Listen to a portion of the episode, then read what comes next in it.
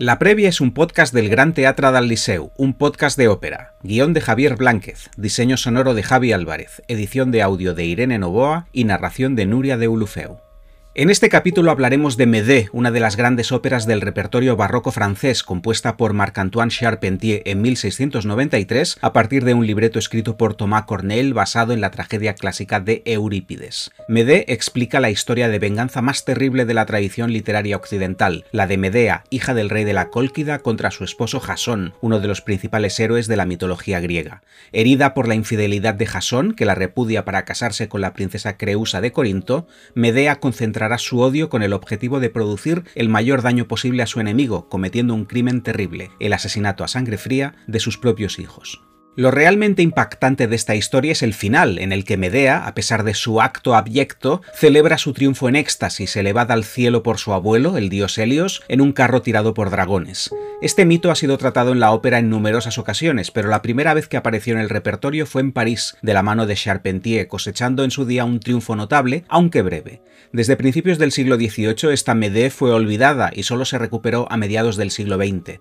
Desde los años 80 y coincidiendo con un lento pero intenso surgimiento del interés por la ópera francesa antigua, la obra de Charpentier ha comenzado a ocupar de nuevo un lugar de privilegio en muchos teatros de primera fila. Dentro de este género, la tragedia lírica, Médée es un título especial porque desafió varias de las convenciones inamovibles que lo caracterizaban, mezclando influencias francesas e italianas, y también porque transporta el mito de la Grecia clásica a la fantasía barroca, restituyendo a Medea un papel que no estaba en Eurípides. Según la tradición griega, Medea era también una hechicera, un poder que aplicará en la ópera para consumar su venganza. La Médée de Charpentier también es un ejemplo perfecto del estilo más equilibrado que se puede encontrar entre los dos gigantes de la tragedia lírica, Jean-Baptiste Lully y Jean-Philippe Rameau, con una orquestación rica en colorido, recitativos melódicos, pequeñas áreas caracterizadas por la gracia y el equilibrio, los habituales números de ballet y una alta densidad dramática. Se trata de una ópera de factura exquisita y exigencia técnica que escucharemos en el Liceu en versión concierto en una única función, el lunes 27 de noviembre, con un elenco de grandes voces y bajo la dirección de uno de los mayores maestros de nuestro tiempo, el inglés Sir Simon Rattle.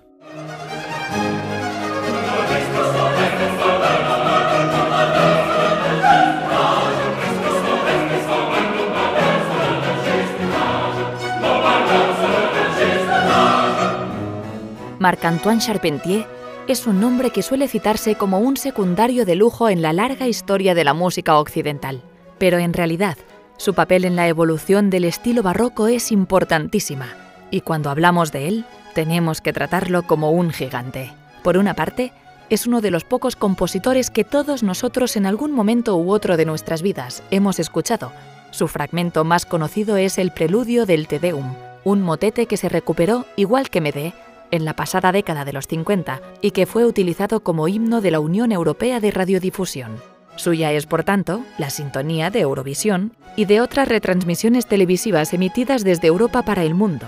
Pero más allá de esta anécdota, Charpentier es un músico con virtudes y obras notables. Por ejemplo, escribió un tratado técnico, Reglas de composición, en el que identificó varias tonalidades del sistema armónico occidental con diferentes estados de ánimo. Para Charpentier, Do mayor equivalía a música marcial y alegre, y Do menor a sonidos tristes y pesimistas.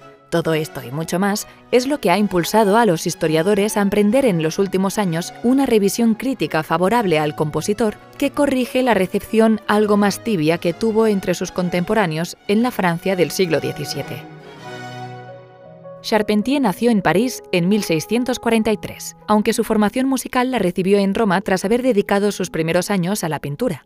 Allí conoció a Giacomo Carissimi, uno de los principales autores de música religiosa polifónica del barroco, impulsor de formas como el motete y el oratorio. Bajo la tutela de Carissimi, Charpentier se empapó de la música italiana y conoció también la ópera, y a su regreso a París en 1672, a la edad de 29 años, comenzó a trabajar en proyectos de música religiosa y escénica, fue, por ejemplo, uno de los músicos al servicio del gran dramaturgo Molière, que encargaba música incidental para representarla en diversos momentos de sus comedias. Molière trabajó sobre todo con Jean-Baptiste Lully, el protegido de Luis XIV y cerebro musical de la corte francesa. Pero Charpentier también tuvo en esa tarea un papel destacado. Por ejemplo, compuso la música del enfermo imaginario, así como la de otras piezas de ambiente mitológico o pastoril. Pero a pesar de su talento, se encontró con un obstáculo insalvable en su carrera, la oposición de Lully, que bloqueó cualquier acercamiento de Charpentier al rey y a la capilla real.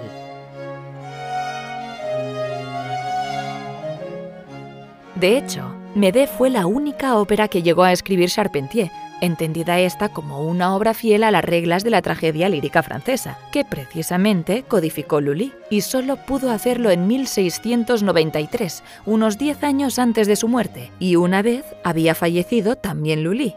El estreno fue en el Teatro del Palais Royal de París, bajo la protección de la aristocracia, el hermano de Luis XIV y el príncipe heredero, pero sin la sanción favorable del propio monarca. El estreno de Médée tuvo una buena recepción por parte de muchos nobles, pero no tuvo recorrido posterior porque los partidarios de Lully, que aún ejercía poder sobre la música francesa incluso después de muerto, se encargaron de desprestigiar la ópera por haber hecho Charpentier, en su opinión, algo imperdonable, incorporar influencias de la música italiana.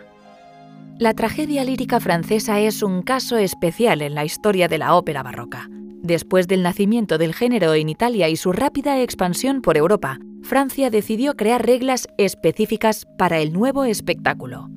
Iba a ser un entretenimiento para la corte y no para el pueblo, protegido por el Estado y en el que se limitarían los excesos del estilo italiano del barroco avanzado, como las arias da capo espectaculares y las voces de los castrados. El estilo francés de Lully favorecía, en cambio, los temas mitológicos y galantes, la música incidental del ballet y la escenografía fantasiosa, así como un estilo instrumental sobrio y una manera de cantar lírica repleta de ariosos, es decir, más recitada que armada sobre melodías elaboradas.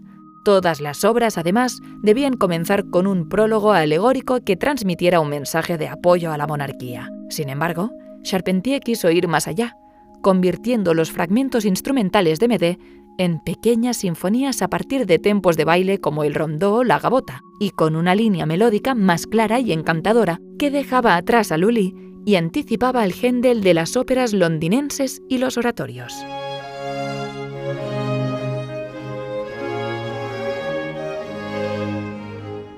Esta ópera tuvo un recorrido corto en París. A principios del siglo XVIII, se representó por última vez y estuvo olvidada durante más de dos siglos. La música de Charpentier se redescubrió poco después del final de la Segunda Guerra Mundial y no fue hasta la década de los 50 cuando empezó a revisarse, a estudiarse y, en menor medida, a grabarse y representarse en iglesias, auditorios y óperas. A nadie debe sorprenderle, por tanto, que la función en el Liceu del 27 de noviembre sea el estreno absoluto en el teatro.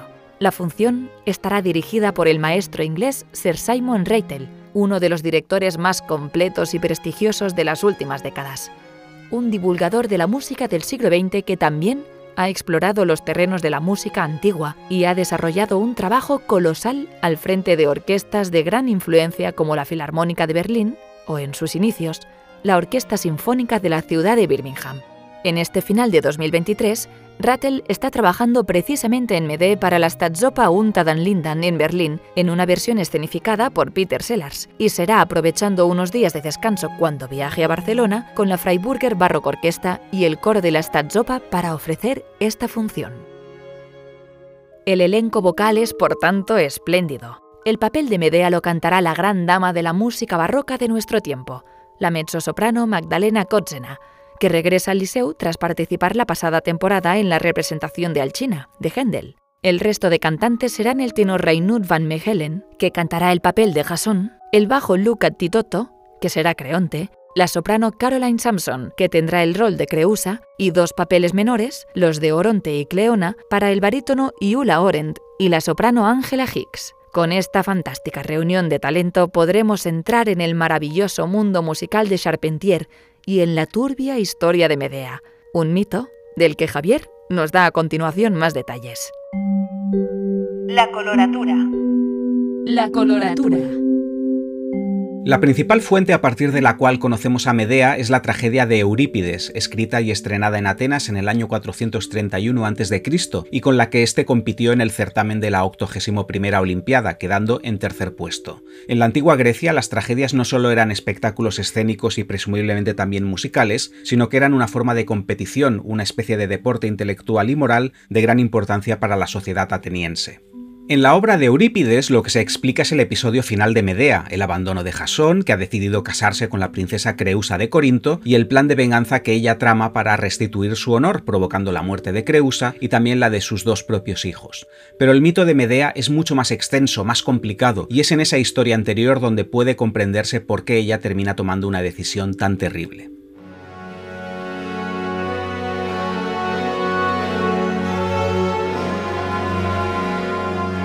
En primer lugar, Medea es parte indisoluble del mito de Jasón y los argonautas, que nos ha llegado sobre todo gracias al poema de Apolonio de Rodas. La de Jasón es la tercera gran historia de la poesía épica griega tras la guerra de Troya, narrada en la Ilíada por Homero, y el regreso de Ulises a su patria, explicada en la Odisea. Esta es una historia de aventuras en la que lo esencial es la búsqueda de un tesoro. En algún lugar lejos de la tierra firme griega existía el vellocino de oro, una piel de carnero con poderes sobrenaturales, y Jasón emprende un viaje en la nave Argos junto con un grupo de fieles, los argonautas, para buscarlo.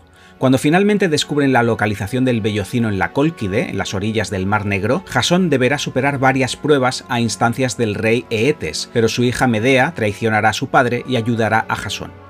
Medea es también nieta de Helios, el dios del sol, y tiene poderes de hechicera. Gracias a esos poderes, Jasón consigue el vellocino y huye con Medea. Durante la huida, ella cometerá varios asesinatos y tendrá dos hijos con Jasón. Esta es la clave del asunto. Medea sabe que ha sido fundamental para el triunfo de Jasón y por tanto considera que se ha ganado su lealtad.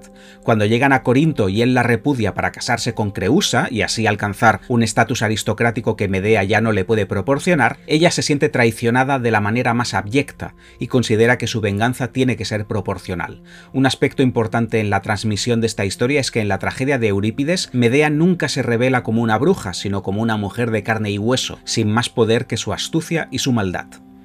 Sin embargo, la ópera de Charpentier recupera buena parte del argumento sobrenatural del mito y presenta a Medea como lo que es, una semidiosa con grandes dones. Este giro fue una aportación fundamental del libretista Thomas Cornell, que lo adaptó de la obra que había escrito para el teatro su hermano, el famoso dramaturgo Pierre Cornell. Y en ese momento reapareció para la literatura europea un mito que no ha dejado de emerger en diferentes ámbitos. En el teatro, la tragedia de Eurípides se sigue contando entre las más representadas de la antigüedad, a pesar de que el tema y la resolución de la historia chocan frontalmente con los valores actuales. Por desgracia, siguen dándose casos de asesinatos de hijos a manos de sus madres o padres, pero a nadie se le ocurriría presentar esta violencia como un acto triunfal como hace Eurípides. A la vez, Medea es un tema que ha dado grandes versiones en la ópera y el cine. Por ejemplo, tras la estela de Charpentier, fue otro compositor, Luigi Cherubini, quien firmó la ópera más célebre sobre este personaje terrible. Su Médée de 1797, basada en otro libreto en francés diferente al de Cornell, corresponde al subgénero del melodrama, un tipo de ópera con largas partes recitadas sin música que alternaba un estilo de composición italiano y la expresión dramática propia de la tragedia lírica francesa. En la actualidad, la Medea de Cherubini es la versión operística más representada de este mito, aunque no la única. Posteriormente se acercaron compositores de la primera edad dorada del bel canto, como Saverio Mercadante o Simon Mayr. De hecho, en esta temporada 2023-2024 muchos teatros de todo el mundo están recuperando Medea, ya sea en las versiones de Charpentier o Cherubini, porque la relación entre Medea y la ópera tiene otro acontecimiento central más, en este caso en el cine, con la película de 1969 dirigida por Pier Paolo Pasolini y que protagonizó María Calas, de la que ahora se conmemora el centenario de su nacimiento. María Callas había convertido la Medea de Cherubini en uno de sus mejores papeles como soprano, y Pasolini quiso aprovechar esa energía para una película que ampliaba la historia y recuperaba todo el arco argumental de Medea, desde su ayuda a Jasón para conseguir el vellocino de oro hasta la venganza final. Pero lo que le interesaba a Pasolini era la fuerza dramática de Calas, porque de hecho no le gustaba la ópera de Cherubini. Así que le dio a la diva griega un papel sin música donde ella pudo demostrar que sus dotes como actriz eran también portentosas. Esta película no solo conecta íntimamente mito, ópera y cine, sino que ha contribuido a reforzar la presencia de Medea como uno de los arquetipos más complejos y problemáticos de la cultura occidental.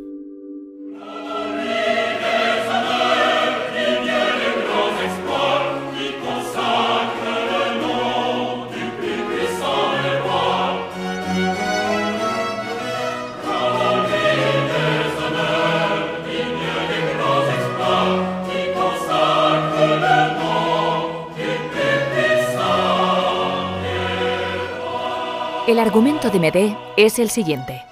Como todas las tragedias líricas francesas, antes de que comience la historia, asistimos a un prólogo que celebra la grandeza del rey. En esta introducción aparecen tres personajes alegóricos, la Victoria, la Gloria y Belona, la diosa romana de la guerra, que descienden al mundo terrenal para animar a los mortales a mostrar el debido respeto a Luis XIV por su acción de gobierno. Una vez termina el prólogo, el primer acto presenta a Medea en un episodio inmediatamente anterior al comienzo de la tragedia de Eurípides, justo después de que haya ayudado a Jasón a conseguir el vellocino de oro. Tras un largo viaje y varios crímenes a sus espaldas, la pareja llega a Corinto, donde buscan el amparo del rey Creonte y de su hija, la princesa Creusa. Jasón convence a Medea para que le regale a Creusa un vestido y así ganarse el favor de la familia real. Pero su verdadera intención es otra. Jasón se ha enamorado de la princesa, pero Creusa está prometida a Oronte, el príncipe de Argos. De todos modos, el rey Creonte prefiere que sea Jasón quien se despose de su hija. Jasón lo agradece ayudando a Creonte a combatir contra Argos, consiguiendo para él una victoria militar.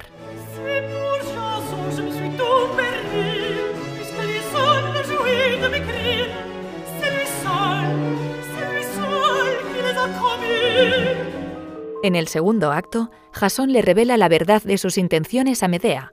Se casará con Creusa. El rey Creonte se dirige también a ella para ordenarle que abandone Corinto, dejando atrás a los dos hijos que ha tenido con Jasón. Medea siente una furia incontenible. Tras haber cometido crímenes terribles para ayudar a Jasón, ahora se siente traicionada, pero inicialmente cede a las demandas del rey. Entrega sus hijos a Creusa, y se confirma el matrimonio entre la princesa y Jasón.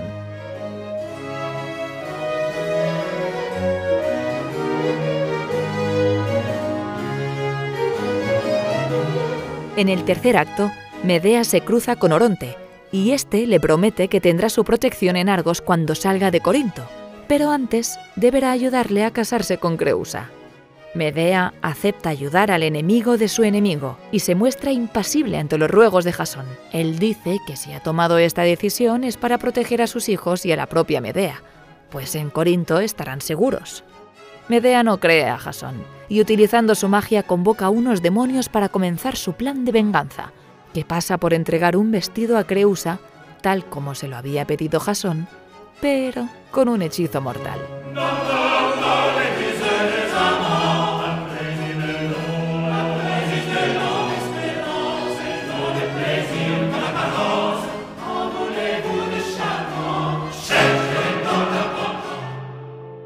En el cuarto acto, Creusa recibe el vestido. La boda está cerca y tanto Medea como Oronte confirman que la situación les perjudica. Oronte no podrá tener a Creusa y Medea deberá abandonar Corinto. De hecho, Creonte insiste a Medea en que debe irse cuanto antes. Ella utiliza su magia para provocar la locura en Creonte y aplazar un día más su partida, que es el tiempo que necesita para consumar su venganza, que tendrá lugar en el quinto acto. Primero, mata a sus dos hijos. Después, con su magia, consigue que Creonte muera y a continuación envenena el vestido de Creusa, que fallece en brazos de Jasón. Triunfante, Medea anuncia a Jasón que sus dos hijos también han muerto y huye de Corinto, no sin antes provocar un incendio que destruye completamente el palacio de Creonte, con Jasón dentro.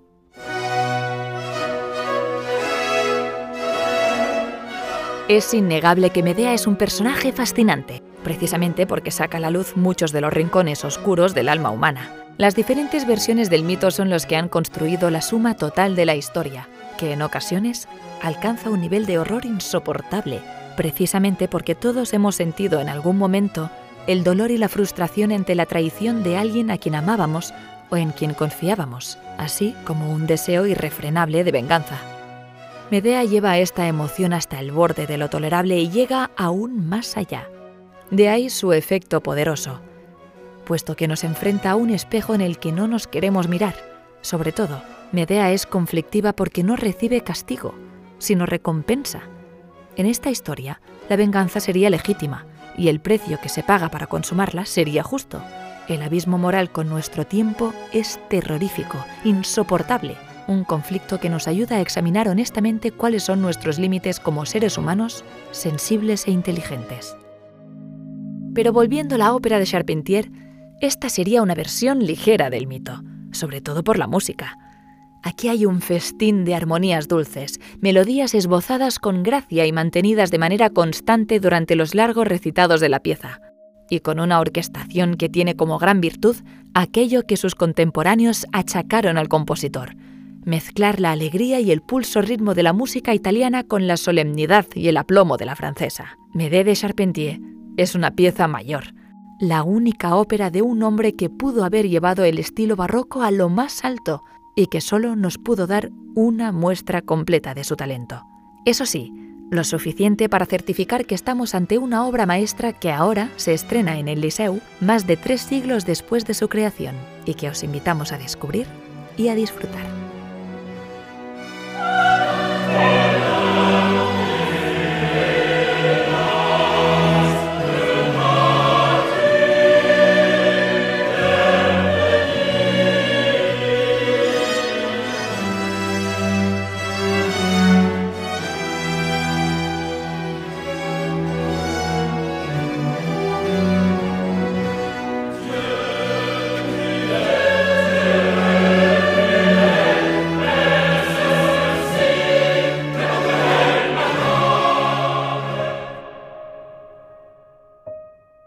Y hasta aquí la previa de Medé, un podcast que busca complementar y enriquecer las óperas del Liceu, producido por La Máquina de Luz y con la participación del Gran Teatre del Liceu.